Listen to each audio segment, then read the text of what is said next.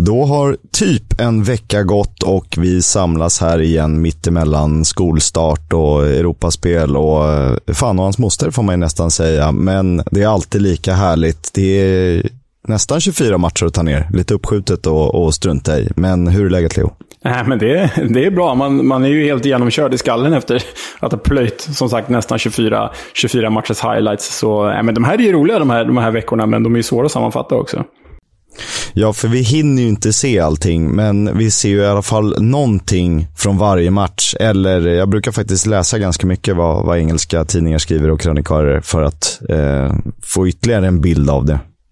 Ja, man kollar ju på alltid en till fem matcher typ. Och så är det ju alla highlights och så läser man ju en del som du är inne på. Så ja, det, är, det är mycket Championship-inmundigande.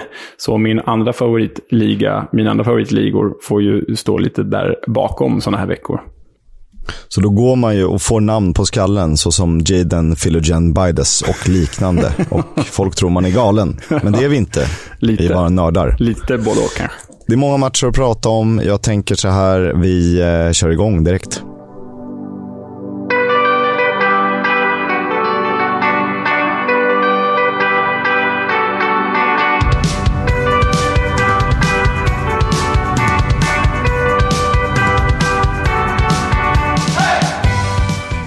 Du lyssnar på Football's Coming Home, en podcast om Championship framför allt, men även om League 1 och League 2. Jag heter Oskar Kisk. Och jag heter Leonard Jägerskiöld Welander. Mannen med de tre efternamnen. Vilken kille. Tveksamt va? Omgång tre och omgång fyra har spelats i Championship och vi börjar direkt i händelsernas centrum. Det var fredagsmatch, det var ett eh, förmodat toppmöte. Det var en riktigt stor fight mellan två nykomlingar från Premier League på fredagen alltså den första matchen i omgång tre. Det var Watford som hemmabesegrade Burnley med 1-0. Ja, och eh, det var ju en lite speciell fight det här, för jag upplevde matchen på ett sätt, men när jag har, när jag har läst i liksom rapporter efteråt så, så verkar jag vara helt... Eh, jag verkar ha fått det om bakfoten. För jag satt och tyckte att Watford hade den här matchen. Kanske inte bollinnehavet, men jag tyck, satt och tyckte att de var rätt trygga och var ännu mer trygga när Tom Cleverley av alla människor gav dem ledningen med, med 1-0. Men alla rapporter står det att Burnley hade den här matchen och egentligen kanske borde ha vunnit. Men för mig var det var Burnley liksom bara riktigt heta efter att Hassan Kamara visades ut med tio minuter kvar för Watford. Fram till dess tyckte jag att Hornets verkligen hade koll på den här fighten. Jag tycker att Watford ändå var hyfsat välorganiserade. Um, tidigare känns det som om de bara har levt på de här kontringsgubbarna på topp. Trion där, plus kanske lite Ken Sema och eh, Hassan Kamara. Men eh, här kändes de ändå hyfsat stabila och eh, jag håller inte riktigt med om att Burnley såg sådär jättebra ut. Nej, men liksom trubbigt jämfört med då Watford som, som eh, ju faktiskt lyckades göra mål. Och det ska ju sägas att det var ett väldigt bra förarbete av vår kära svensk Ken Sema till Tom Cleverleys eh, 1-0 mål. Han, han spelade från start, låg ju bakom målet, satte igång anfallet, väggade sig fram och spelade fram snett inåt bakåt till Tom Cleverley som mer eller mindre hade öppen gata till nätet. Så det var ju fint av vår kära svensk. Jätteroligt med svenska poäng och fler skulle det, gå, det ju bli utan att gå händelserna i förväg. Daniel Bachmann får vi väl kalla för matchvinnare mot slutet. Ja, men herregud. Den här österrikiska keepern som faktiskt var rätt sopig de gånger han fick chansen i Premier League och inte så bra i EM heller. Han, han, eh, jag gillar att hänga ut målvakter som du vet och har liksom haft siktet inställt på den här jäveln. Men han var ju helt sanslös de sista tio minuterna. Vilka räddningar han gjorde när Burnley faktiskt kom till skott. Han var ju ah, ohyggligt bra. Matchens lirare. Han var inte fumlig som en viss Lumlig. den var bra. den gillar vi. Men eh, det, det, ska vi komma till. Scott Twine, återigen utanför eh, laget. Han är ju, lider av en någon slags småskada. Mm, ja, det är ju lika tråkigt som det är oseriöst. För det är en kille vi vill eh, ha in, åtminstone i slutet av matcherna, både för Gaffer och eh, för att han är sevärd och underhållande. Ja, verkligen. Men du, efter de tre första matcherna Oavsett om det var rättvist eller inte. Då stod alltså Watford på sju poäng efter att ha mött Sheffield United, West Brom och Burnley. Wow! Det är jättebra. Jätte, jättebra. Hatten av Rob Edwards, får vi väl säga. Verkligen. Vi går vidare till lördagen där eh, den första matchen spelades mellan Cardiff och Birmingham. Och det var just mannen jag nämnde, Jaden Philogen Bides, som eh, blev matchvinnare den här matchen. Ja, det blev han. Och det här var ju en match som Cardiff, eller Cardi FF, som vi snart har tröttnat på att säga, eh, kunde ha vunnit med 2-3, kanske till och med 4-0. För de körde ju över sina, sina motståndare från Birmingham. Lite lurigt tröjmöte här också, Kisk. För Cardiff och Birmingham har ju båda blå hemmatröjor. De har båda röda bortatröjor. Så det var, nu spelade ju Cardiff hemma i blått och Birmingham borta i rött. Men det var ändå lite förvirrande, för man tänkte att det ena laget kunde vara det andra om det var vice versa. Ja, det var, jag satt och blev förvirrad, fast det egentligen inte var så konstigt. Det är lite som att materialen glömt att plocka med bortatröjorna och de fick låna Cardiffs bortatröjor. Lite så, fast det inte var så. Det var ju korrekt, men ja, det var känslan. JPB blev alltså matchvinnare, framspelad av succéförvärvet får vi ändå säga, Callum O'Dowda, som jag inte riktigt fattar varför han lämnade Bristol City. Eh, men han är i Cardiff och han har ju sett riktigt bra ut inledningsvis. Mm. Nej, men Cardiffs bästa spelare. Och hittar Cardiff bara en nummer nio som kan göra mål, då eh, kommer de nog hamna ganska tryggt i mitten av tabellen den här säsongen. Men så länge de har problem att förvalta sina chanser så får vi väl ändå ha dem där någonstans i nedre mittenskiktet. Birmingham hade ju en situation, det var misstänkt straff när Scotty Hogan gick omkull. Han fick dock gult för filmning och det lämnar vi där. Och eh, i och med den här matchen så har inte Birmingham besegrat Cardiff sedan oktober 2017. Men det var på St. Andrews. Och faktum är att Birmingham aldrig vunnit på Cardiff City Stadium. Senaste segern kom 2008 på Ninian Park. Klassisk mark. Verkligen. Vi drar till Lancashire och kusten, den fina, fina kusten, där eh, Blackpool inte lyckades hålla undan för Swansea. Fast det var inte riktigt så. Men eh, Swansea gästande Swansea vann alltså med 1-0. Olivier Encham, sent segermål. Sent segermål på en ja, men fin kontring där Michael Obafemi är osjälvisk. De kommer ju liksom två mot en och han passar. Det är så riktigt Fifa-mål. Passar eh, åt sidan och så blir det öppet mål för Olivier Encham. Eh, men eh, de är egentligen Encham tillsammans med keepern Andy Fisher som eh, blev matchvinnande här. För Fisher stod ju för en otrolig benparad när han stod i, stod i vägen för Blackpools Josh Bowler. Eh, och senare i matchen räddade han ju faktiskt också en straff. Så eh, superinsats av Andy Fisher. Den, att det inte pratas mer om den här. Han, det är ju en sån här handbollsräddning man ser Palicka gör när benet är uppe i, i huvudhöjd.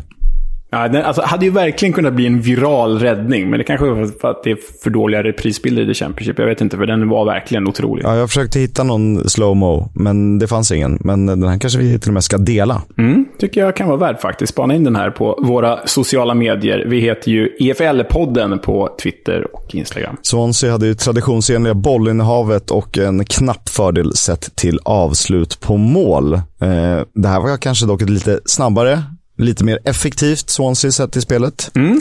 Eh, det kändes ju rätt och att de faktiskt fick hålla nollan också. Det har de ju haft under hela Russell Martins period förtvivlat svårt med. Men som sagt, det krävdes ju en straffräddning för att hålla den där nollan också. Men eh, Swansea var ju min dark horse inför säsongen, så de får gärna fortsätta vinna så att jag inte ser helt sopig ut. Rättvist när de tog sin första seger alltså. När Huddersfield mötte Stoke så blev det ju lite av ett målkalas i alla fall. 3-1 skrevs slutsiffrorna till. Ja, och här är ju då frågan om Huddersfield faktiskt gjorde en bra match eller om Stoke, vars tränare vi tippade skulle få sparken först, faktiskt är så här dåliga. Ehm, 3-1, att förlora mot den här säsongens The Terriers med 3-1 är ju inte starkt av The Potters. Men det ska ju också sägas då att Lewis Baker, som faktiskt gjorde Stokes mål, han ju bränna straff i ställningen 0-0. Eh, och returen på den straffen sattes ju i stolpen av Jake Brown. Så Stoke hade ju kunnat ha ett annat utgångsläge. Men istället blev det ju The Terriers första trea under tränare Schofield. Nakayama, Jutta Nakayama heter han, gjorde sitt första mål i engelsk fotboll och där hade nog Bursik i Stoke-målet kunnat göra det lite bättre, kanske till och med kunnat ta den. Ja, det tycker jag nog. Eh, men jag måste bara säga att det är väldigt skönt att Jutta Nakayama är mål, för det, det är ju så skönt att säga. Är det inte skönt att säga Jutta Nakayama? Jo. Jutta Nakayama. Det ligger bra på tungan. Det är lite som Jotto Nagatomo som spelade Inter. Det är ganska likt. Ja, jag vet inte om han är en eh, fashion designer. fashion designer, exakt. Precis. Eh, men det var ju, det var ju där de tog tag i matchen, även om faktiskt Lewis Baker lyckades kvittera på ett distansskott och revanscherade sig för straffmissen. Men Stoke ser ju inte särskilt stabilt ut, Kisk. Nej, det gör inte det. Eh, de slarvar ju gånger två och Dwayne Holmes, som jag precis bytt ut i Gaffer, varsågoda, spelar ju fram Danny Ward respektive Jordan Rhodes. Och eh, det är kul att stanna vid Jordan Rhodes som vi har pratat en hel del om. Lite av en poddfavorit, de här anfallslirarna som är för dåliga för Premier League men håller hyfsat hög nivå i Championship.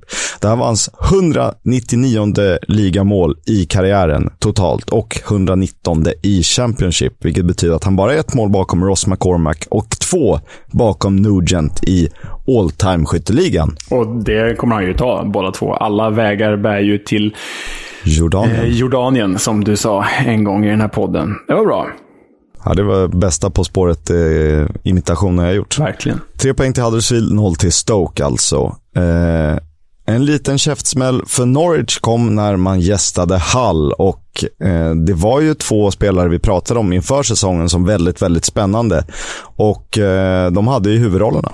Ja, för eh, om vi ska fortsätta på Gaffer Sports så var det självklart typiskt att när jag väl sätter min håsade colombianska anfallare Oscar Estopinian på bänken i Fantasy Gaffer, då gör ju han två mål och sänker Norwich, den jäkeln. Och riktiga så här målskyttsmål också, måltjuvsmål. Han, han eh, liksom trycker in en, en... Eh, andra målet han trycker in en retur som är liksom tredje returen. Han bara får den på sig egentligen. Så, så det är viktigt för Hall att de får igång den här colombianen som sett lite rultig ut hittills, men mål verkar han ju kunna göra. Eh, och du, Hall, Eh, vi sa ju att Watford hade sju pinnar efter de tre första matcherna. Hall sju pinnar efter de tre första, trots ganska kassa siffror. De har varit effektiva. Eh, det imponerar ju. Verkligen. En liten, eh, en liten outsider. Det är kul om vi tittar till tabellen sen. Det kan vi göra när vi har summerat båda omgångarna. Men Norwich tabelljumbo efter tre spelade var de ju. Ja, det är ju vår tippade tabelletta. Eh, det är ju under all kritik. De har ju dessutom haft ett lätt schema, ska det sägas. Alltså mött Wigan och, och Hull. Jag kommer inte ens ihåg vad de mötte i premiären. Så nej, svagt, eh, svagt av Norwich som måste göra bättre. De, hade ju, de har ju dock haft siffrorna med sig i alla matcher. Här hade de ju 12-4 i, i skott på mål. 70% av bollinnehavet. Men, men det blir inte konkret. Temo Pukki får ju inga bollar att jobba med. Nej, och eh, jag vet inte, han har sett lite trubbig ut. Alltså han är ju alltid farlig, alltid på språng, men eh, inte riktigt där än. Men säsongen har börjat tidigt. Det är 42 matcher kvar. Och vi kommer ihåg Nottingham Forest med, eh, vad var det, en poäng på åtta matcher förra säsongen. Exakt, och Norwich har ju en trupp för, eh, för botten av Premier League, så, så eh, de bör ju kunna vakna. Men du, Marcelinho Núñez, den chilenska landslagsmittfälten som de har värvat, han har ju presenterat sig. Han stod ju inför en Panenka-straff i ligacupen i förra veckan. Och det här frisparksmålet han gör när han reducerar, det är ju... Jag menar, inte en målvakt i världen tar ju den frisparken. Nej, den är bra. Det är ändå en bit ut och eh, den ska ju nästan så att man hinner, fast ändå inte. Ja, nej, otrolig. Han, han eh, känns riktigt bra, den här Nunez. Det ska bli kul att följa honom. Hög högsta nivå. Och så kommer vi dit då som vi har twittrat om. Eh, andra poddare har ju nämnt, utnämnt det till det snyggaste målet i Championship någonsin. Och jag håller faktiskt inte med, men det är fantastiskt snyggt när Bradley Potts avgör matchen med, mot Luton med det enda målet för den dagen. Ja, och eh, inte bara det att det är liksom en vad ska man säga? Det är ju så en, en liggande cykelspark på ett perfekt inlägg av Robbie Brady eh, för Preston North End. En scissor kick är väl det engelska ordet, men saxespark låter inte så lika träffande. Nej, och, och det är ju så här, för de med Eurogoals-referenser som är lika gamla som du och jag, och för gamla PSG-referenser, så är det här ett Pauleta-mål. Åh, oh, Pedro för... Pauleta. Eller hur? Som man älskar den jäkeln alltså. Och han gjorde ju sådana här mål, flera stycken. Men för den lite yngre publiken som vill ha en lite senare PSG-referens så är det ju här ett Zlatan-mål. Ja, eh, det är, det är den, den skolan. Otroligt ekvilibristiskt utfört. Men när drar vi igång Eurogoals-podden? Bara pratar van Hooijdonk, Wesley Sonk, Mario und so weiter. Ja, vilken dröm alltså. Ja, ja, ja jag, jag är på. Vi har ju Shot Arveladze här i The Championship. Vi kan bara göra en avstickare. Shot Arveladze är nyckeln liksom. det är övergången. Ja, då kör vi Georgierna, Kaka Kaladze också. Ja, ja, ja. Nej, men, nej, men det här målet är, är ju faktiskt helt otroligt. Att Bradley Potts som är någon liksom slags höger wing, wingback gör också. Det, nej, det är riktigt läckert. Får han göra om det här hundra gånger så sätter han ju inte den här, eh, den här baljan. Men jag håller med dig, det är ju inte det snyggaste målet i Championships historia. Det tycker jag fortfarande är John McGinn som gör har sin vänstervolley där för typ tre år sedan för Aston Villa som var helt sinnessjuk. Ja, jag, jag håller med dig i det här. Och det är ju så att eh, Preston vann alltså borta mot Luton på Kenilworth Road med 1-0 och de blev med det blott tionde laget i Championships historia att hålla nollan de tre inledande matcherna. 1-0 målskillnad efter tre matcher och mer ska det ju bli. Ja, jo, jo, så är det. Och eh, jag vill bara påminna våra kära lyssnare om att det var en i den här podden som lyfte Freddie Woodman, alltså Preston North Ends målvakt, som en av de bästa värvningarna inför säsongen. Och det var ju du, Kisk. Det var inte jag. Nej, och då kanske jag borde haft honom i Gaffer istället för att sätta Lee Nichols där. ja, det borde du kanske. Det borde du kanske. det gjorde jag inte. Det var dumt av dig. Nej man ska leva som man lär och så vidare. Eh, Luton skapade faktiskt ganska mycket chanser, men de har inte riktigt hittat effektiviteten. Adebayo ser inte ut att vara samma spelare som förra säsongen än. Eh, Carlton Morris visar varför han åkte ur med Barnsley och eh, detsamma gäller väl den eh, ständigt skadedrabbade Colly Woodrow. Så att eh, inte riktigt där för Luton än. Eh, jag tycker ändå att de har någonting, men ja, jag ska inte stå och säga att playoff blir svårt, men jag tror att det blir svårare än vad det var förra säsongen. Det tror jag med. Millwall då, som jag spikade på tipset på hemmaplan. Man gör ju det och eh, de levde upp till förväntningarna sent om sidor. Ja, det var ju satt och svettade säkert med tanke på att Coventry ledde med 2-0 efter 28 minuter. Det, då, satt den där, då var inte den spiken så ramsäker. Inte just då i alla fall. Nej, för de hade ju 2-0 efter en halvtimme och sen började det darra lite när Jay Cooper var högst på en frispark där Moore kom helsnett. Eh, Tyler Bury träffade stolpen innan George Honeyman kunde sätta returen och med blott fem ordinarie minuter kvar efter att eh, Coventry har spelat med tio man så kunde Saville greja alla tre poäng till The Lions. På tal om säsongens värvningar, han var inte en av de största namnen, men jag måste säga att George Honeymans intåg i Millwall mm. har varit ruskigt självklart. Oerhört fin värvning hittills. Jättefin värvning och det är nästan så att även om Hall går riktigt bra så saknar de ju honom ändå. Ja, ja. Nej, men det, han, han har varit fenomenal alltså. Vilken spelare.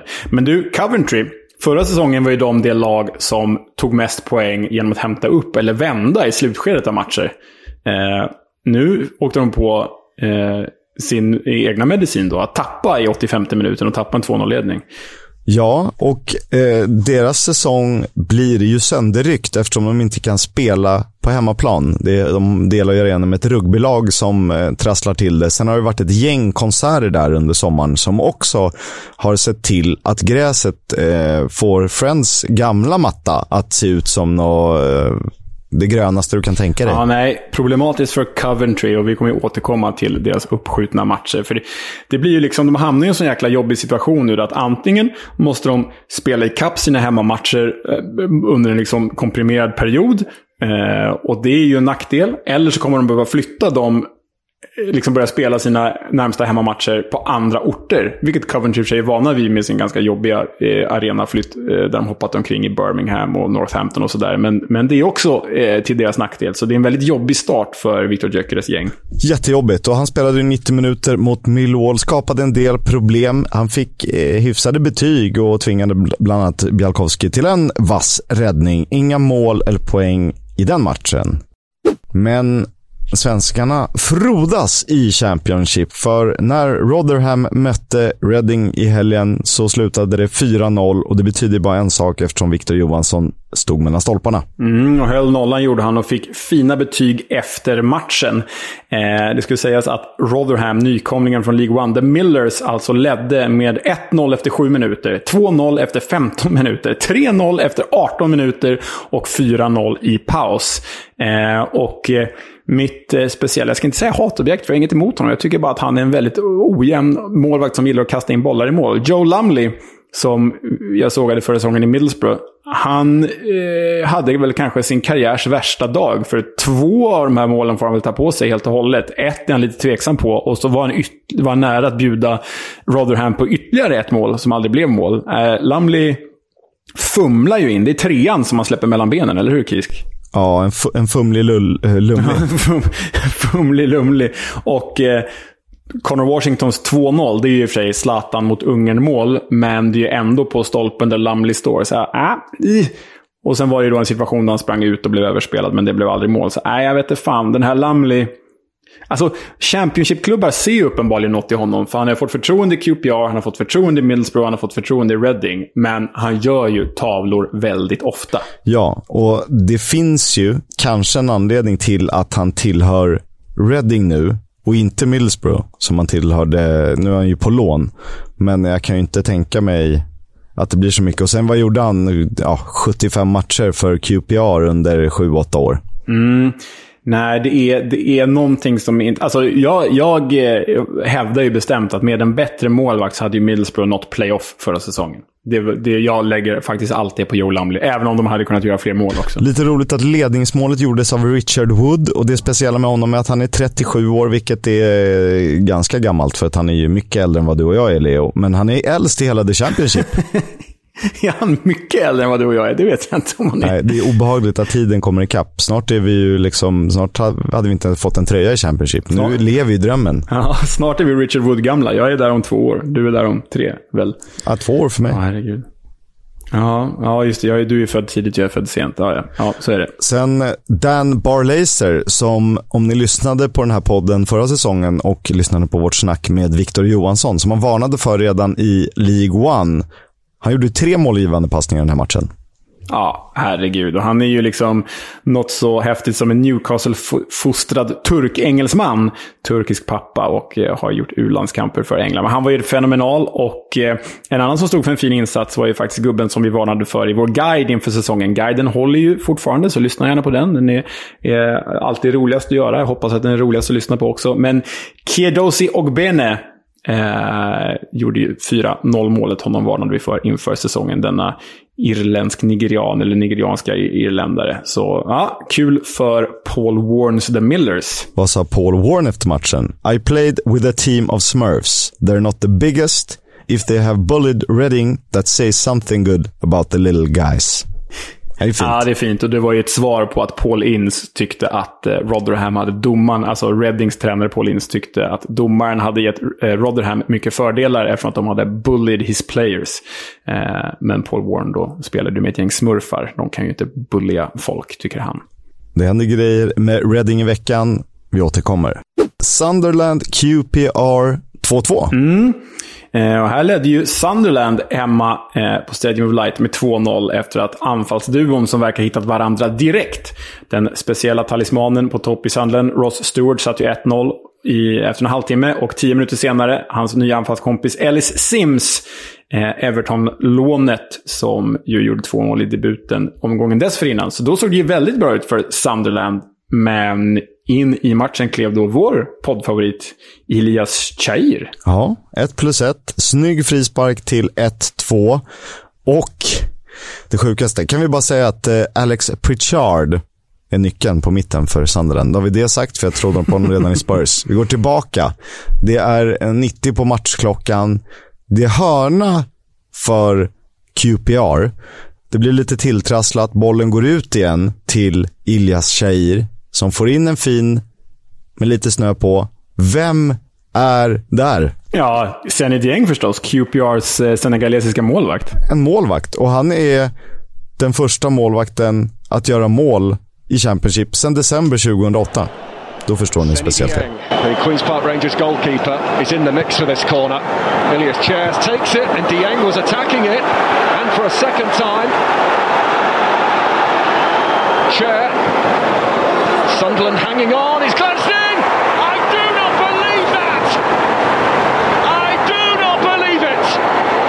Senny Dieng, the goalkeeper, has saved the game for Queen's Park Rangers.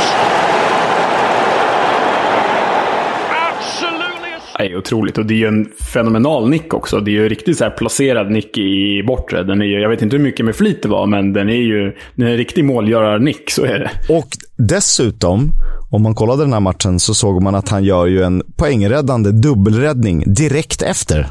Ja, den är faktiskt sjuk. Sunderland får ju liksom chans i vad är det, 93-94 minuten och den dubbelräddningen är helt sjuk. För det är ju liksom två eh, avslut vid, vid, hans närmsta stolpe och bara han styr den andra upp i ribban och mållinjen och ut. Ja, det är... Att på två minuter göra mål och göra en sån dubbelräddning, det är ju fenomenalt. Det är hans karriärs antagligen bästa ögonblick. Det, ja, det är mäktigt. Det måste det vara. Men Sunderland gör det bra som nykomling. Det är ingen eh, skugga över dem, får man säga. Lite oflyt. En som fortsätter att göra poäng, även när jag tagit in honom i gaffer, det är Andreas Weimann, den österrikiske Bristol City-talismanen. Han gav Bristol City ledningen borta mot Wigan i en match som slutade oavgjort 1-1. Ja, och eh, Weimann är ju eh, bäst och finast av alla. Ledde ju skytteligan tillsammans med Ellie Sims efter tre matcher. Tre mål på tre matcher. Och eh, Will Keane kvitterade för Wigan. Behöver inte säga så mycket mer om den här fighten, tror jag. Den gamle Manchester United-produkten Will Keane, som vi också varnade för i guiden. Så helt snett på det är vi faktiskt inte. Det spelades också två matcher på söndagen, ganska trevliga sådana, när Middlesbrough och Sheffield United, två möjliga playoff kandidater kryssade 2-2. Ja, hade man tippat någonting inför den här så hade man väl tänkt ett kryss. Eh, kanske mer svårtippat med målskyttarna, för Middlesbrough gjorde nämligen Shuba Akpom, eh, denna nödlösningsanfallare, tidigare Arsenal-produkt. Bägge målen han kvitterade ju till 1-1 efter en kvart och eh, satte ju 2-2 med 10 minuter kvar. Och i Sheffield United så gjorde ju Sander Berge mål, denna gänglige norrman med svensk mamma. Och Ryan Giles. Och då tänker ni, spelar inte Ryan Giles i Middlesbrough? Jo, det gör han. För det var ett självmål som hette duga, Kisk. Ja, det är nästan, eh, nästan en liten slant på det där va? det är liksom det är ett inspel från, det är ett inspel från vänster va? Eh, eh, alltså eh, från, från Sheffield Uniteds vänster. Och då dyker Ryan Giles upp där eh, i mitten av eget straffområde och ska bara rensa undan den och liksom dunkar in den i eget mål istället. Det är, och är ohotad nästan. Så det är riktigt svagt gjort av den här vänsterbacken som vi annars gillar väldigt mycket. Håller som en av de bästa. Akpom löste kvitteringen till 2-2. Duncan Watmore hade ju faktiskt en boll i stolpen i det som beskrevs som en ökenhetta. Och ökenhetta i England, det är ju 19 grader, så jag vet inte. Nej, de har ju faktiskt haft det varmt och jävligt, de stackarna. 19 grader, 12 pints och bara överkropp. Exakt. Den sista matchen för omgången spelades mellan Blackburn och West Bromwich och Steve Bruce mannar har det fortfarande tufft att lösa trean. 2-1 eh, blev det till Blackburn. Mm, och eh, det är ju så att vi återigen får se den chilenska landslagsmannen Ben Bertrand Diaz göra mål. Det var ju så att den här chilenska landslagssagan eh, tog vi med oss in i podden förra hösten då när BBD verkligen färgade. Eh, gjorde väl typ 20 av sina, sina 21 mål på höstdelen av förra säsongen. Eh, men på våren blev han ju då den stokfödde Ben Brereton och gjorde inte så många mål alls. Eh, men nu är den, ben, nu är den chilenaren Ben Brereton Diaz tillbaka då. Han gjorde ju 1-0 i den här matchen. Eh, och hans kopia Sam Gallagher kvitterade, eller utökade faktiskt ledningen till 2-0 i andra halvlek. 2-1 där alltså. Och det är ju lite, eh, om man gillar expected goals och tror på den tabellen så, nu har jag skrivit efter omgång fyra och då är ju Blackburn etta, West Brom är 22 i den riktiga tabellen. Och i XG-tabellen är West Brom 5 Blackburn 24, alltså sist. Mm, det har ju varit ett väldigt effektivt Blackburn. Det har ju spelmässigt då inte sett så bra ut. Men är man effektiv så är man effektiv. Då kan man leda tabellen efter tre omgångar.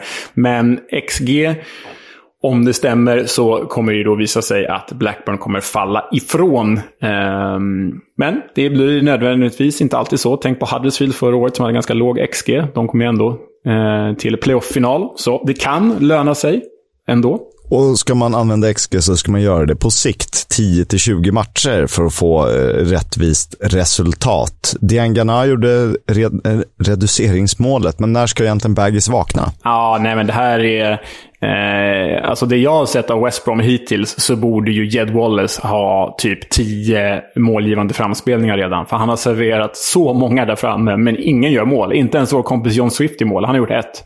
Eh, och inte ens din tippade eh, målskyttsvinnare, eh, eh, Carlan Grant gör så mycket mål heller. Och Daryl Dike är skadad. Så jag vet inte, det går inte allt att skylla på målskyttet. Men de borde ha gjort betydligt mer än vad de har gjort. Och det är ju förstås Steve Bruce som kommer lastas för det här. Hans huvud kommer ju hänga om de inte börjar vinna många matcher snart. Så är det. Det var den tredje omgången summerad. Vi går vidare till den fjärde, den som spelades i veckan. Många matcher, så häng med. I Troy Deeney-derbyt så delade lagen på poängen. Birmingham-Watford 1-1.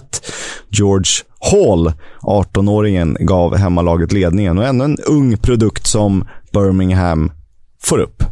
Mm, de eh, vill ju gå den vägen, gillar att gå den vägen och tvingas gå den vägen också. Det finns ju inte så mycket pengar eller möjligheter i det här bygget. Vi får ju se om ett eventuellt övertagande kan eh, göra skillnad på det. Eh, jag gillar det där förresten. De The Deanie Derby. Det vill man ju se. The Deanie Derby. Och vem kvitterar i The Deanie Derby om inte svenske Ken Sema? Assist i fredags, mål i tisdags. Vilken form han är i, den gode Ken. Ruddy plums the cross away. It comes to Sema. Sema's shot! Sema's goal! Maybe deflecting off Manai! But what for the level! Ja, verkligen. Och det var ju lite speciellt för det var ett Birmingham som hade två tidigare Hornets-kaptener, två Watford-kaptener. John Eustace och Troy Deeney på planen. Och på sidlinjen. Mm. Ja, det, är, det är ju eh, speciellt, men, men eh, ja, jag vet inte, de kanske båda gjorde bättre ifrån sig i Watford än vad de gör i Birmingham. För John Eustace får väl, återstår väl det att se, men för Dean är jag tämligen säker på att hans karriärshöjd var i Watford och inte i favoritlaget Birmingham. Åtjämt, what, what jämt? Watford alltjämt obesegrade var precis det jag skulle säga. De hade lite chanser. Dion Sanderson räddade på mållinjen. De hade någon boll i stolpen, men fick ändå kämpa för en poäng borta mot Birmingham. Några som inte behövde kämpa så mycket var Bristol City. De kunde hyfsat bekvämt vinna med 2-0 hemma mot Luton. Mm, och mål av startande duo Naki Wells och Tommy Conway som alltså spelade på topp istället för Chris Martin och Antoine Semenyo. Ni vet supertridenten från i fjol med Martin, Semenyo och Weimann var nu splittrade. Bara Weimann eh, fulländade den här nya trean. Men eh, det, det spelade ingen roll för Wells är ju en pålitlig målskytt när han får chansen och Tommy Conway tydligen lika så. Bristol City gör mål ändå. Eh, eh, men du... Eh, hur oroliga ska vi vara för Luton? Det börjar se ganska jobbigt ut nu. Ja, man har ju tappat en del. Om vi, det förra var Dini-derbyt så var det här Cal Dini-derbyt. Eh, Cal Naismith lämnade ju Luton och försämrade deras försvar avsevärt och förbättrade Bristol Citys. På sikt kommer det visa sig, jag är övertygad om. Eh, jag vet inte alltså. Det känns lite lurigt. Jag, jag, tror inte att de åker ur, men playoff känns ju avlägset givet vad man har sett inledningsvis. Ja, och då har ju givet, förutom tappet av Caldini dock, för det är förstås kännbart och tungt. Men överlag har ju Lutons trupp förbättrats. De har ju blivit bättre på pappret jämfört med fjol. Men eh, jag vet inte om luften gick ur dem där efter, efter playoffet, för det ser inte bra ut framåt, trots alla dessa olika anfallare. Nej, det gör ju inte det. Eh, och tittar vi på Bristol City så fick min gamla Huddersfield-favorit Naki Wells göra mål. Jag trodde väldigt mycket på honom. Men vi måste stanna vid centrala mittfältet. Alex Scott, Hanoa Masengo och som man vill då Andy Weimann i, i hålet där. Antingen som en anfallstrident eller som en trio på mitten. Jätte, jättefina. Ja, Bristol City är ju sevärda på gott och ont. Det är kul framåt, det är stökigt bakåt, det är roligt hela tiden. Nej, men eh, The Robins är ju underhållande oavsett om de ligger i botten eller i toppen av tabellen. Så fortsätt så, det gillar vi. Burnley mötte Hull och det mest fascinerande var ju att Burnley noterades för 77% bollinnehav. det är sinnes, alltså det är värre än Swansea. Det är, det är bättre än Swansea liksom. Men Eh, nu är ju varken du eller jag några belgiska fotbollskonnässörer här, men det vi har läst från kompanis tid i Anderlecht är att det största problemet han hade där var att omvandla bollinnehav till mål. Eh, och det verkar vara samma problem här ju. För trots 77% bollinnehav så slutar det bara 1-1 hemma på Turf Moor mot gästande Tigers. Ja, och jag gillar ju ändå Jay Rodriguez som gjorde målet för eh, Burnley. Åsan Tofan gav halvledningen. Tio minuter senare så kvitterade J-Rod. Men det kanske är lite för svagt. Ja, men det är nog lite eh, trubbigt. Brownhill har ju haft mycket chanser den här säsongsinledningen, men typ bara gjort ett eller två mål. Så ja, nej, de behöver nog hitta någon. De har ju lagt pengar på lite nya offensiva krafter nu, vilket vi kommer till i nyhetssegmentet. Men, men eh, de måste hitta en målskytt. Och det är ju precis som Swansea. Börjar de göra mål på sina chanser, då kommer de att klättra mängder med placeringar. Men du, den här Åsan Tufan som Joso Matovac har i sitt eh, gafferlag. Vilken värvning av Hall. Det är också en av säsongens hittills bästa värvningar. Gått rätt in och dominerat i, i The Championship. Verkligen. Det är ju en annan som gjort det bra. Ian Matsen, ny assist från honom. Samtidigt som eh, Scott Twine återigen saknades för Burnley.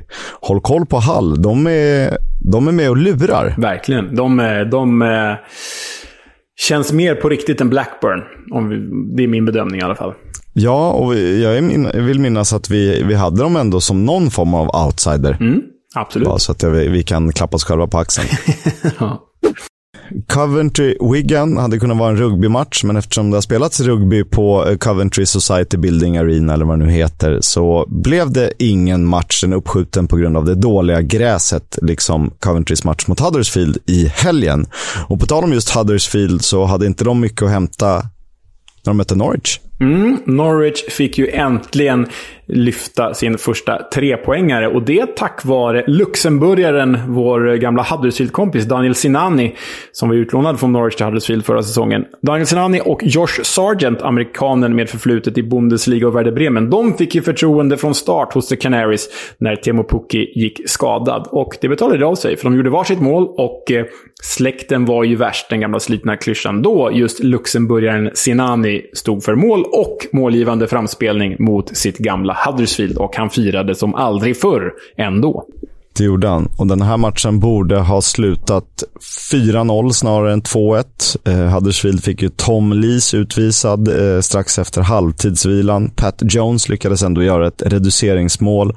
Med segern till Norwich och vi pratar PL-klass på nyförvärv. Ja, Marcelinho Nunez. Det, han, eh, om Norwich inte går upp till Premier League i år så kommer han spela i Premier League. Sablar vilken spelare. Men också, jag vill bara fastna lite vid Daniel Sinanis mål.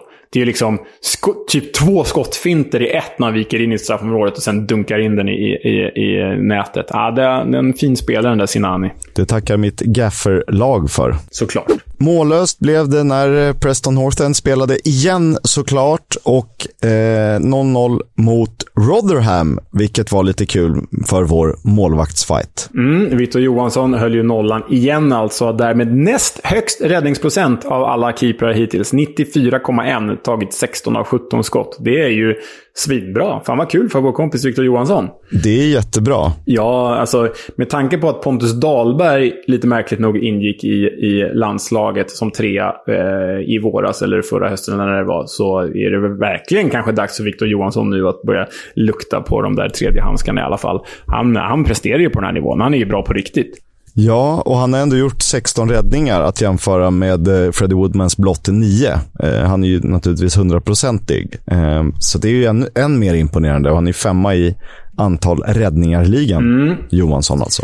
Och eh, på tal om Woodman, Preston North End är alltså nu blott det andra lag i The Championships historia att hålla nollan i säsongens fyra första matcher. Det är jäkligt imponerande. Det är det verkligen. Och honom hade jag som ett av säsongens nyförvärv. Mm. Det har vi redan nämnt, men det är bra att du trycker på det. det är rimligt. Men de få gånger man träffar rätt måste ah, man ju tjata. Ja. Eh, det var alltså fjärde rakan nollan för PNI. Och det är roligt att Rotherham tar för sig. Men det här var en match för hemmalaget. Och när ska Parrot börja göra mål? Och när ska PNI börja göra riktigt mycket mål? För att 21-5 i avslut, 6-1 på mål. Och det är några sanslösa chanser de bränner och som Johansson räddar. Ja, alltså man, det man väntar nu på här är att Burnley, eh, Swansea och eh, Preston North End börjar sätta sina chanser. För då har vi, då, då har vi typ ettan, tvåan och trean i tabellen. Möjligtvis att Watford är där uppe också. Norwich, West Brom. ja, exakt. De, ja, börjar de göra mål allihopa? Det är bara att göra mål, hörni. Ut och kör. Äh, det är många som... Om alla, om alla 24 lag börjar göra mål, då kommer det se helt annorlunda ut. Michael Owen-analysen. Ja, det är bra. Citat Leo Jägerskiöld Welander. ja, det är rimligt. Jättekul för Victor Johansson naturligtvis. Och det kanske blir rubriken på avsnittet, Johansson till landslaget. Vi får väl se. Ja, ja vi, vi, vi kämpar för den. På tal om Swansea, som du nämnde, de såg ut att gå mot en eh, fin, stabil seger. Deras, eh, vad skulle det ha blivit, deras andra försäsongen. Så blev inte fallet. De hade 2-0. Eh, det hade kunnat bli 3-0. Istället blev det 2-2 hemma mot Millwall. Ja, alltså Ryan Manning 1-0 i första minuten. Michael Obafemi 2-0 10 minuter senare. Då är det ju klappat och klart. Men på tal om klappat. Swansea gillar ju att klappa ihop. De leder alltså med 2-0. I 93 minuten, Kisk, då gör Ben Cabango självmål. I 96 minuten, då är Nathan Wood självmål. Ja, det är ju Ja. Det är därför vi älskar Championship. Ja, det är därför jag älskar Championship. Men du, har du hört Millwalls klubbkommentatorer när de kvitterar till 2-2? Nej, jag tror jag såg Swansea-sändningen. Ja, men du, eh, då ska du få höra det här. One last chance to get this ball into the box. It's with Scott Malone. Right footed towards the far post. Yes! Yes!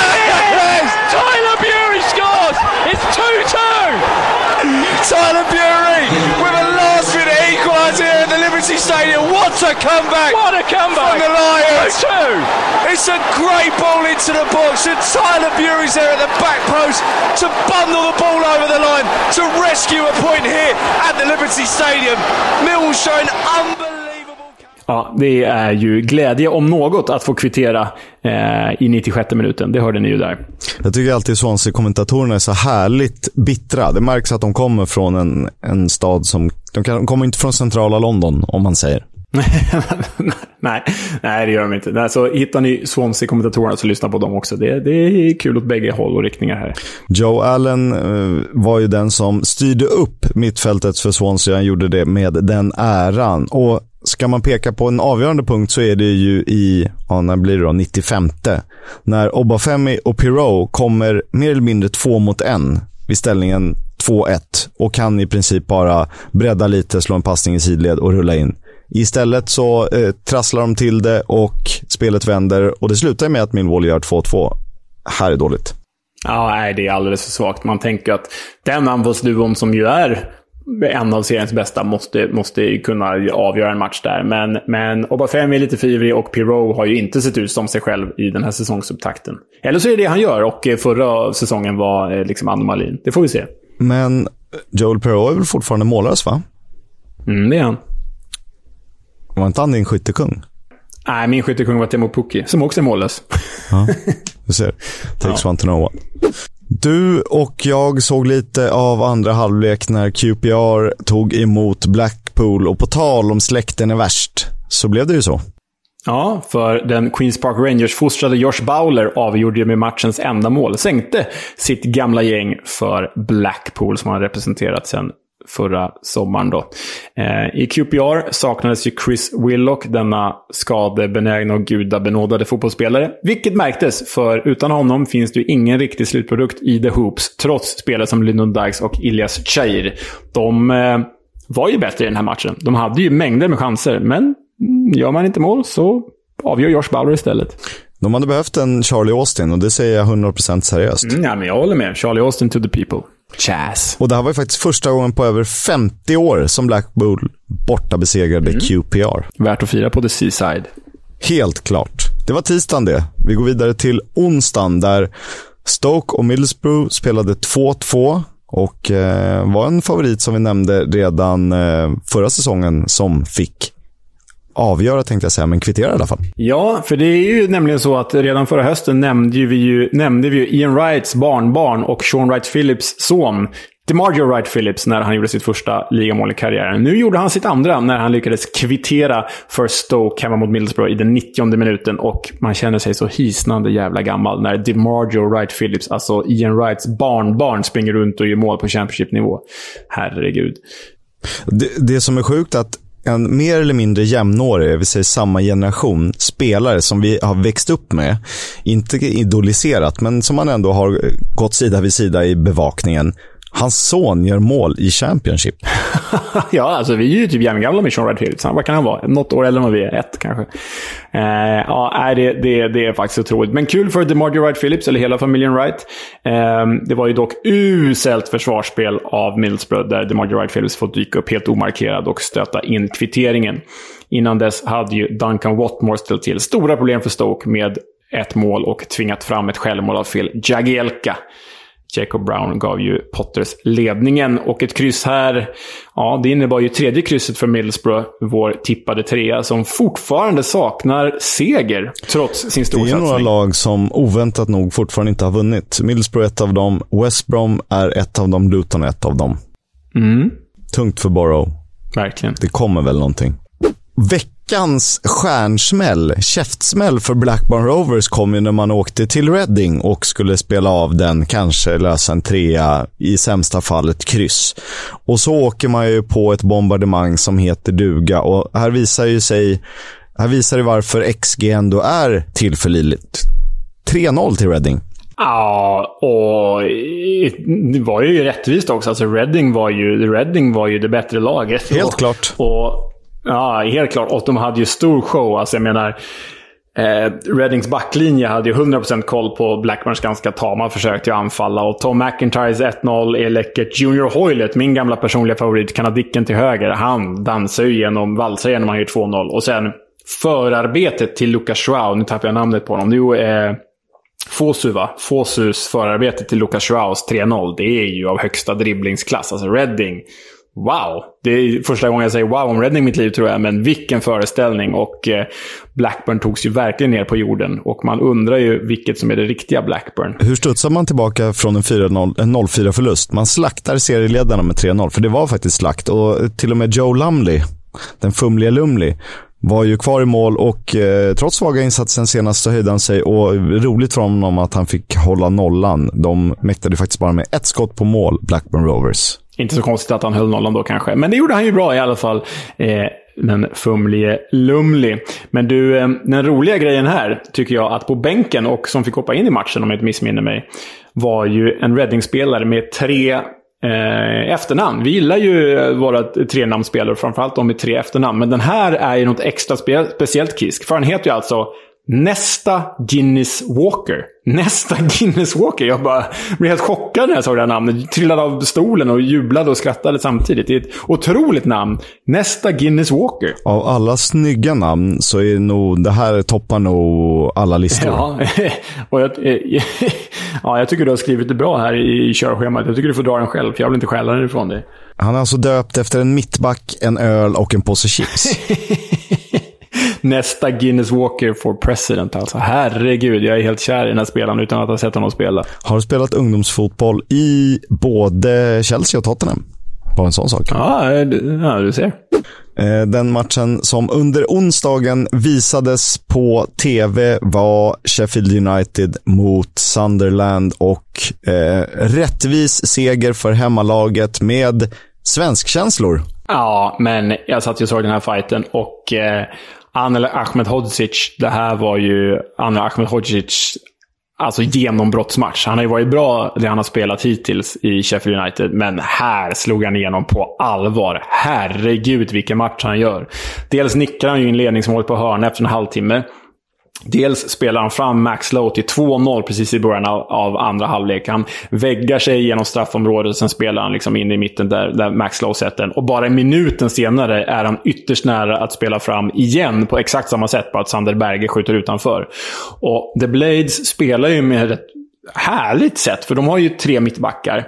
Varav två av dem Ahmed Hodzic och vem som nu som spelar liksom den vänstra mittbacken. De är ju bollförande och följer med in i straffområdet i, i princip varje anfall. Och det är så fruktansvärt roligt att se, men också oerhört passande för en sån bollskicklig försvarare som Anel Ahmedhodzic. Alltså, han har verkligen hittat rätt här, på tal om lyckad nyförvärv. Vilket genombrott på Bramall Lane. Wow och superkul. Synd bara att han inte spelar svenska landslaget, för det hade vi behövt. De har väl Norrington Davis va? och Eggen eh, mellan dem, så det är väl bara Eggen och Fodringham kvar på när de anfaller. Exakt. Två man försvar. Nej, men eh, eh, oerhört kul för Anel Ahmedhodzic. Eh, verkligen. Det hjälpte ju föga för Sunderland att Dan Neil visades ut precis före eh, 1-0 målet. Och trots att Lyndon Gooch gjorde matchens snyggaste mål med en läcker chip så räckte inte det för gästande Black Cats. Sheffield United var klart numret större. Och de hade ytterligare anledning att jubla igår för Neil Warnock var nere på mittplan och var hemma igen och hyllades av fansen. Han, han åker runt på någon hyllningsturné. Senast var han ju i Huddersfield och, och fick ta emot applåder där. Det här är ju liksom ett eh, helårsjobb att tackas av i alla klubbar. Ja, precis. Han, mer klubbar, han har representerat mer klubbar än det finns dagar på året. Liksom, så det kommer ta ett tag. Eh, härligt att Ahmed Hodzic har greken Georgis Baldokis snett framför sig också. exakt. Exakt. Fina Baldokis. 22-4 i skott, 7-2 på mål, ingen snack om saken. 2-1 till Sheffield United mot Sunderland och eh, Sheffield United då, börjar kika uppåt, vilket jag tycker ändå är roligt, för det, det förtjänar man. Ja, och de kommer vara ett playoff-lag. Det är jag helt övertygad om. 100%. Så känns det. West Brom Cardiff 0-0 den sista matchen att avhandla. En katastrofstart för mina förhandsseriesegrare. De har fortfarande inte vunnit en enda match och det här borde de verkligen, verkligen ha vunnit. 5-0 i skott på mål och nu gjorde de det lite lustigt så att Livermore fick kliva av i paus. Jed Wallace och John Swift eh, fick vila sista 25 eller något sånt. Så de kanske ska spela i helgen eftersom de möter Hall hemma och hoppas att segern kommer där. Mm, nej, för dålig start av West Brom och eh, ah, det ser ju inte bra ut. Eller det ser ju bra ut spelmässigt, men de gör ju inte mål trots att de har väldigt kompatibla spelare offensivt. Men det är för svagt. West Brom får absolut inte vara sämre än playoff-plats på i princip hela säsongen. Så det är för svagt. Usch. Snabb titt på XG-tabellen så är det ju de fyra av de fem lag som toppar den så är det ju Norwich, Wigan, Stoke, West Brom. Millwall där också, de är femma i tabellen. Men Norwich är 17 plats, Wigan 18 plats, Stoke 19 plats, West Brom 22. Så det vi kan säga utifrån det, det är ju att Norwich, Wigan, Stoke och West Brom inte har fått den utdelning de borde ha fått. Och fortsätter det så här så bör väl alla slåss om playoff-platser. Åt det hållet. Faktiskt. Värvningar hit, värvningar dit. Vi försöker dra igenom dem. Vi kan väl börja med att Alex Mowat går till Middlesbrough. Han fick det inte riktigt att funka i West Brom efter en fin säsong i Barnsley. Han blev ju medtagen av Valerien Ismael och har han seriens bästa vänsterfot? Ja, eh, man kan argumentera för det. Eller har Ryan Giles det också i Middlesbrough? Eller har eh, den som jag slår ett slag för, Robbie Brady det i Preston North End? Jag säger Brady, men eh, Alex Mowat kan verkligen vara den med bäst vänsterfot. Annat nyförvärv till Middlesbrough, Matthew Hoppy, eller Matthew Hoppe, amerikansk-tysken som lämnar Mallorca. Anfallare är klar för Middlesbrough. Ashley Fletcher går till Wigan. Känd från Sunderland till I bland annat. Birmingham med riktigt bra lån. Polska landslagsmannen och Bicicleta-målskytten i Derby förra säsongen. Christian Bielik, tidigare Arsenal-produkt, har lånats in till Birmingham. En från Watfords anfallstrident där borta, det är Emmanuel Dennis som går till Nottingham Forest. Mm, och honom ersätter de med Keenan Davis, som ju var med och sköt upp Nottingham Forest till Premier League senast. Han lånas nu in från Aston Villa och det är ett fint nyförvärv för Watford. Och på tal om Watford då, Hamza Shuduri går ju dit nu för att förstärka in i mittfältet. Ja, och eh, jag tror faktiskt att det var hans debut jag kommenterade för några år sedan i FA eller ligacupen och haft ett gott öga till honom sedan dess. Kanske inte riktigt hållit på Premier League-nivå, men är ju en rivig och hård jävel på det centrala mittfältet. Honom gillar jag verkligen, gamla Leicester. Shuduri. QPR värvar. De har lånat in Manchester United-talangen Ethan Laird som ska vara höger wingback och, peta den egna produkten Osman Kakay till höger. Och Ethan Laird var ju en av seriens bästa ytterbackar eller wingbacks när han var lånad till Swansea förra hösten. Sen gick han till Bournemouth och fick inte spela. Men det är en spännande, spännande nyförvärv. Lite svag poängproduktion, men spelmässigt riktigt bra. När Richard Keogh går till Ipswich Town det är kul. Ja, vi får säga hej då och adjö till en av eh, The Championships mest meriterade spelare någonsin. Han är väl en av de som har spelat flest matcher. Så hej då Richard Keogh. Det blev aldrig Premier League, men vi kommer sakna dig ändå.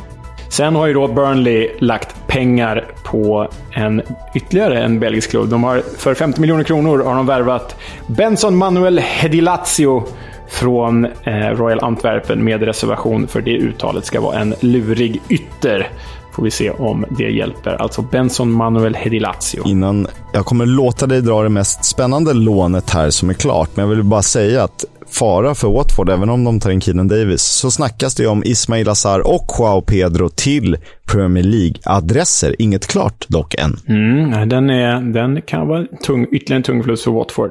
Men Stoke behöver ju göra mål, som alla andra uppenbarligen. Och vem ska göra det? Om inte Delap. Och inte Rory Delap då, utan hans son Liam Delap som lånas in från Manchester City. En av de mest lovande spelarna på hela, eh, i hela engelska öriket egentligen. Och eh, hela brittiska öriket säger man. Eh, och det är kul att han går i sin faders fotspår, för det var ju i Stoke som Rory Delap kastade inkast till tusen. Får se om Liam Delap kommer göra detsamma. Det är kanske någon som kastar till honom. Jamal Lowe i Bournemouth har gjort det mesta och om vi lyssnar på den här. 2014 spelade han i Conference Premier. Året efter Conference South. Året efter det Ismian League. Sen följer det 2017 League 2, 2018 League 1, 2020 spelade han i Championship och nu 2022 får han spela Premier League. Det är nästan värt en liten applåd. ja, nej, det, är, det är otroligt. Det är ju den typen av karriär man, man, man älskar. Hela vägen upp. Nej, det är fantastiskt.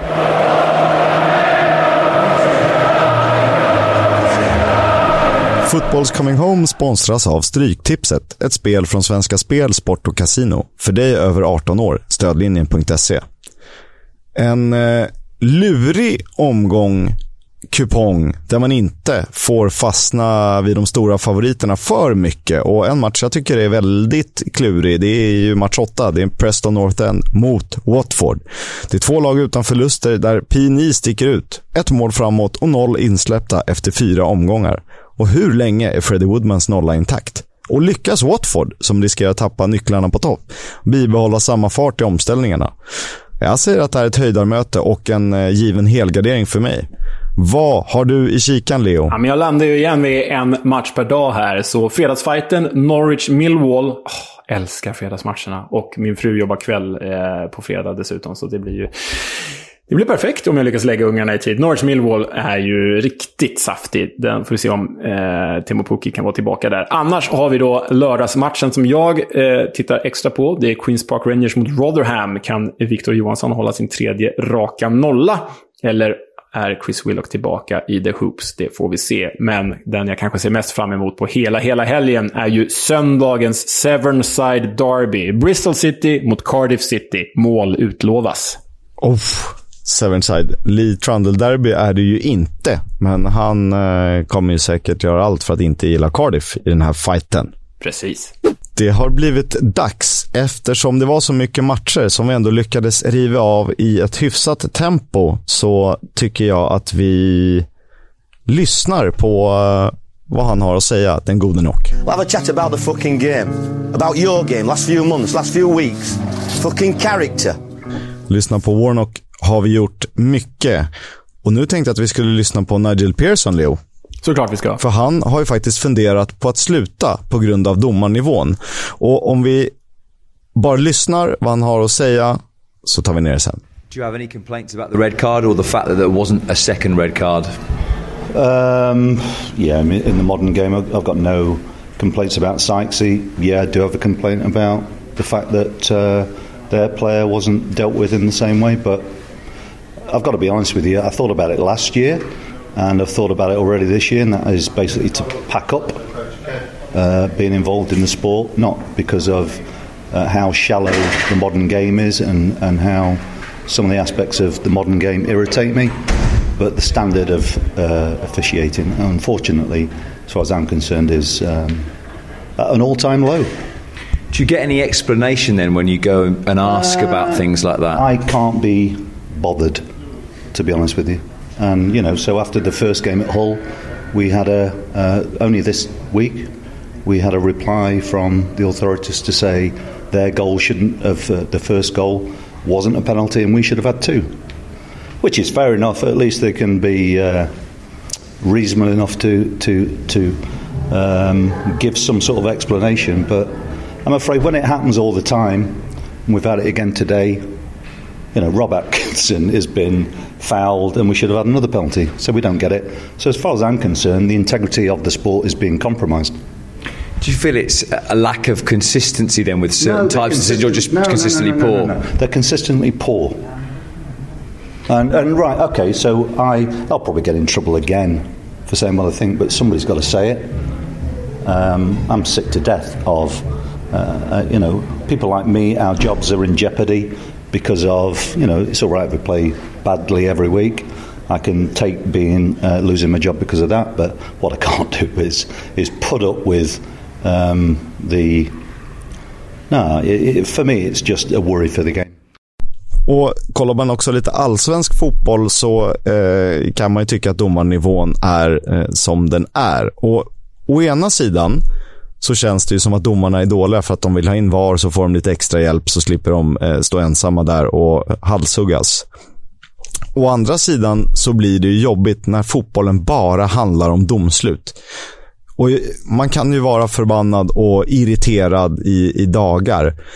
Men det är ju snart det enda som diskuteras. Det är ju vilka Barca inte kan registrera, hur dåliga Manchester United är och göra memes på det och sen något domslut. Ja, alltså jag förstår vad du säger, men jag som är stark eh, VAR-anti-idkare, eh, jag avskyr VAR. Jag känner ju att om, om man inför VAR så pratar man om VAR-besluten istället för, domar, istället för de riktiga domsluten. Så jag tycker det är bara en förflyttning av, av själva diskussionen. Att den, den, liksom, den här bedömningsdiskussionerna kommer kvarstå, bara att man är arg på VAR-rummet istället för huvuddomaren istället.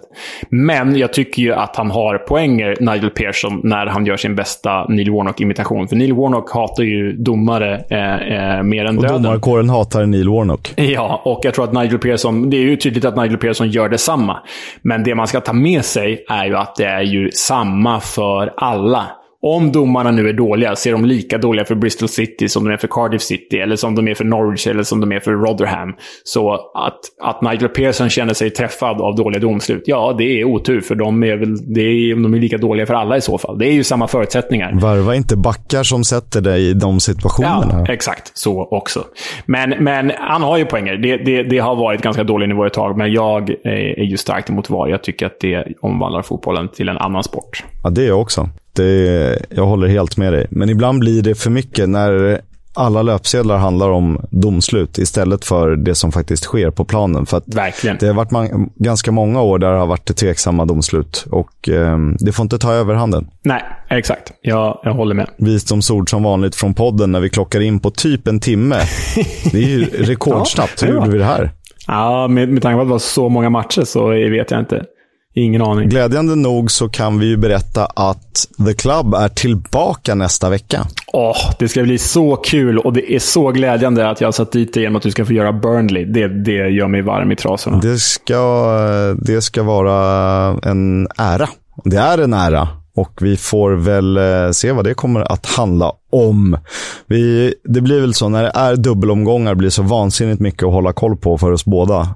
Med allt annat vi har att göra. Så att vi kanske skippar någon The Club och byter ut det mot något. Exakt så. Exakt så. Och med de orden så säger vi tack till vår kära sponsor Stryktipset som är med oss. Vi säger tack till alla er som lyssnar. Vi säger på återseende kanske. Hej och hallå. Ciao. Upptäckta vägar, de han tar.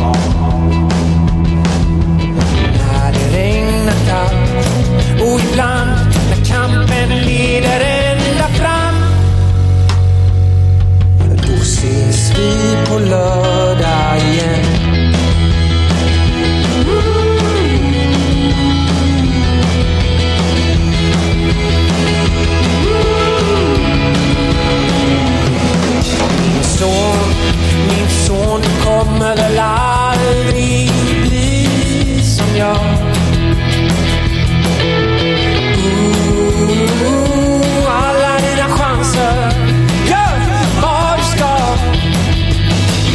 så regnar det kallt. Men till slut leder kampen ända fram. Hey. Oh, Då ses vi på lördag, ses vi på lördag.